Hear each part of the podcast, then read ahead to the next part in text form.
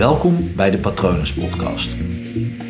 Mijn naam is Paul Vet en in deze podcast deel ik inspiratie voor een leven vol vrijheid en verbinding.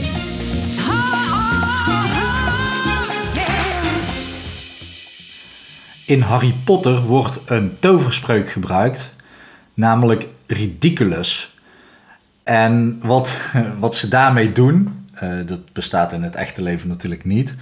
Uh, maar wat ze daarmee doen is, er, er, is een wezen, dat zit in een kist opgesloten in die scène. Uh, die leraar heeft dat, dat wezen meegenomen.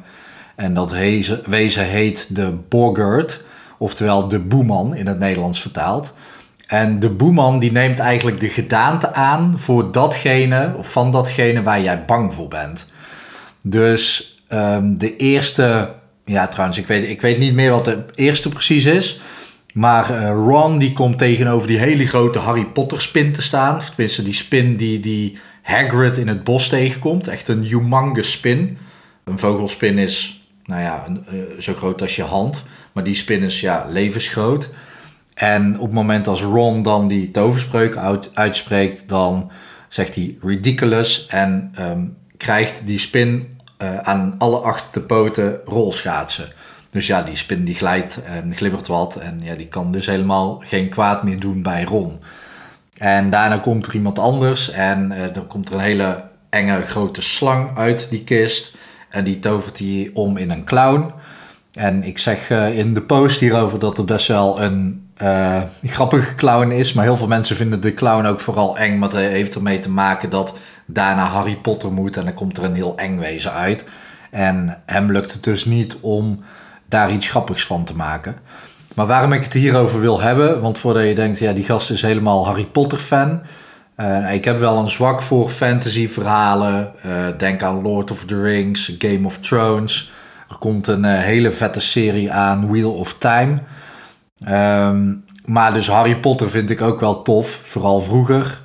Maar stiekem, als ik nu weer een van die films zie, dan ja, ik vind het toch wel tof ook, ook hoe dat heel, heel die wereld in elkaar is gezet. Maar goed, um, wat ik daar zo tof aan vind, is dat eigenlijk de angst van iemand wordt geridiculiseerd. Iemand maakt de angst veel kleiner door eigenlijk de angst een beetje om te toveren in iets grappigs. Het eigenlijk kleiner te maken en grappiger te maken. En ja, zij hebben natuurlijk een toverstok waardoor ze gewoon letterlijk de angst ook gewoon weg kunnen nemen door het zo om te toveren dat je er helemaal niet meer bang voor hoeft te zijn.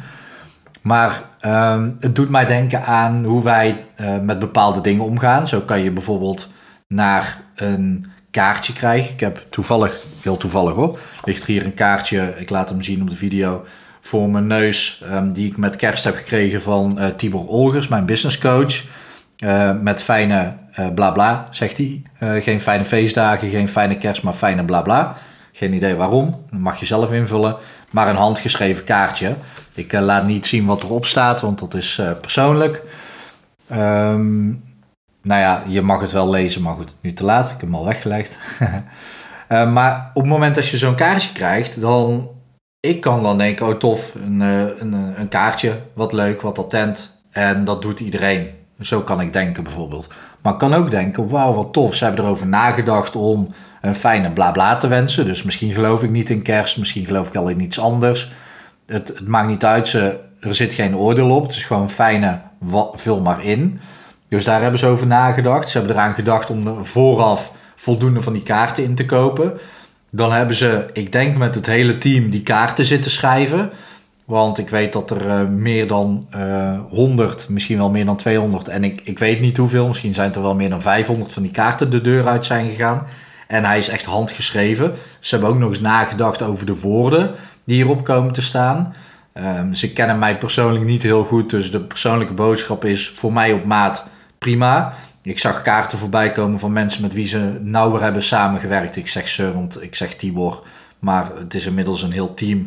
Daar staan persoonlijkere boodschappen op. Dus ze hebben over die woorden nagedacht. Uh, er zit een postzegel op. Ze hebben het op de uh, bus gedaan. En als de post op tijd was geweest, was hij ook voor de kerstdagen geweest. Dus ik kan dat super groot maken. En voor zoiets kleins wat ik krijg, waar ik heel dankbaar voor ben, kan ik dus dat echt heel groot maken. En daar ook gewoon heel veel dankbaarheid voor voelen. Dat, dat vind ik fijn. Ehm, maar ja, ik heb ook wel eens de neiging gehad, de laatste tijd gelukkig steeds minder, maar ik weet dat heel veel mensen dat doen, is ehm, in de psychologie noemen ze dat catastroferen. Dat als er een probleem is, om dat groter te maken in plaats van kleiner te maken. En toen dacht ik aan deze toverspreuk, het ridiculiseren van een probleem.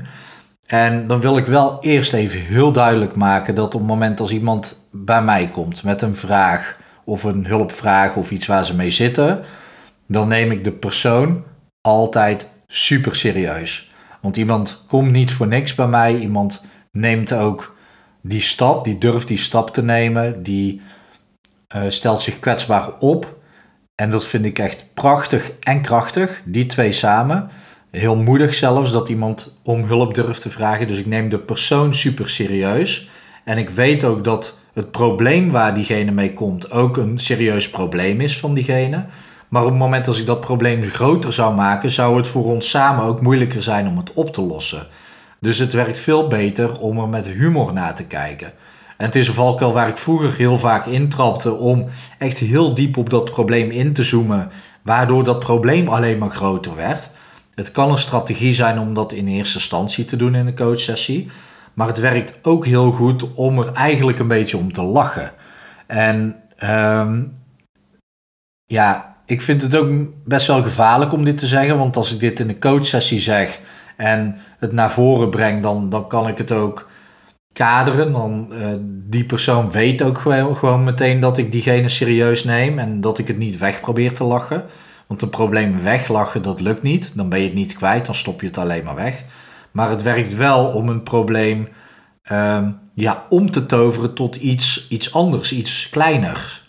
Iets uh, misschien bewegelijkers. Of het gewoon in een klein hokje te stoppen. Het is makkelijk om een probleem ook te verbinden aan heel veel andere dingen die in je leven spelen. Maar het juist uh, afbakenen van waar het probleem nou om gaat en dat deel kleiner maken en daar zelfs wat luchtiger over doen.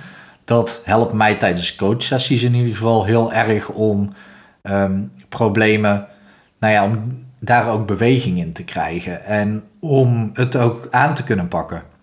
Het lukt niet altijd natuurlijk, sommige dingen zijn gewoon verdrietig. Ehm, en sommige dingen zijn echt gewoon kloten. Uh, maar dan nog werkt het wel beter om het gewoon in ieder geval te zien voor wat het is en het niet groter te maken.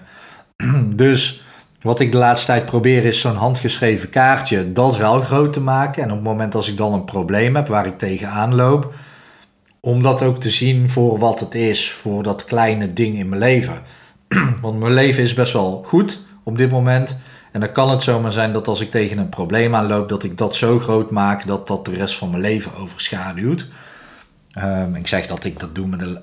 ik ben eigenlijk heel positief ingesteld, dus ik zie een probleem wat ontstaat eigenlijk alleen maar als de nieuwe realiteit.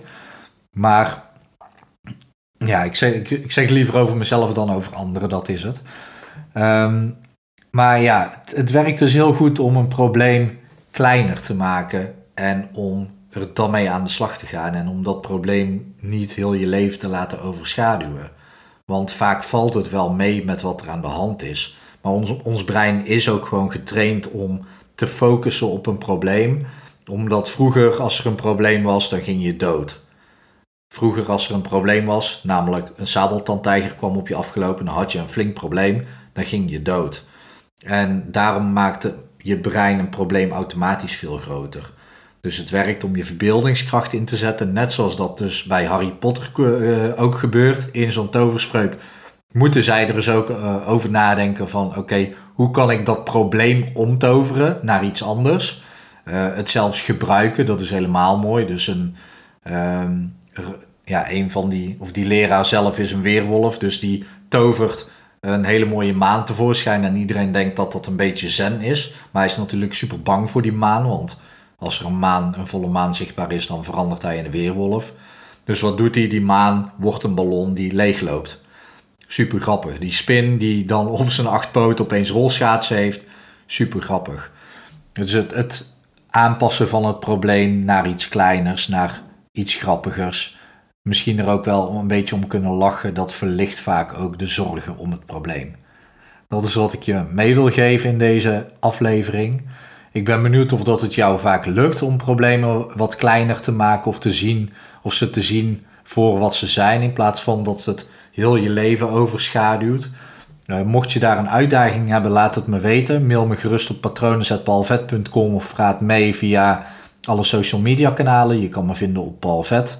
Schrijf je uiteraard met een H. En je kan natuurlijk ook op mijn website terecht. Daar vind je ook contactgegevens. Mijn website is www.paulvet.com. Ik hoop dat het goed met je gaat.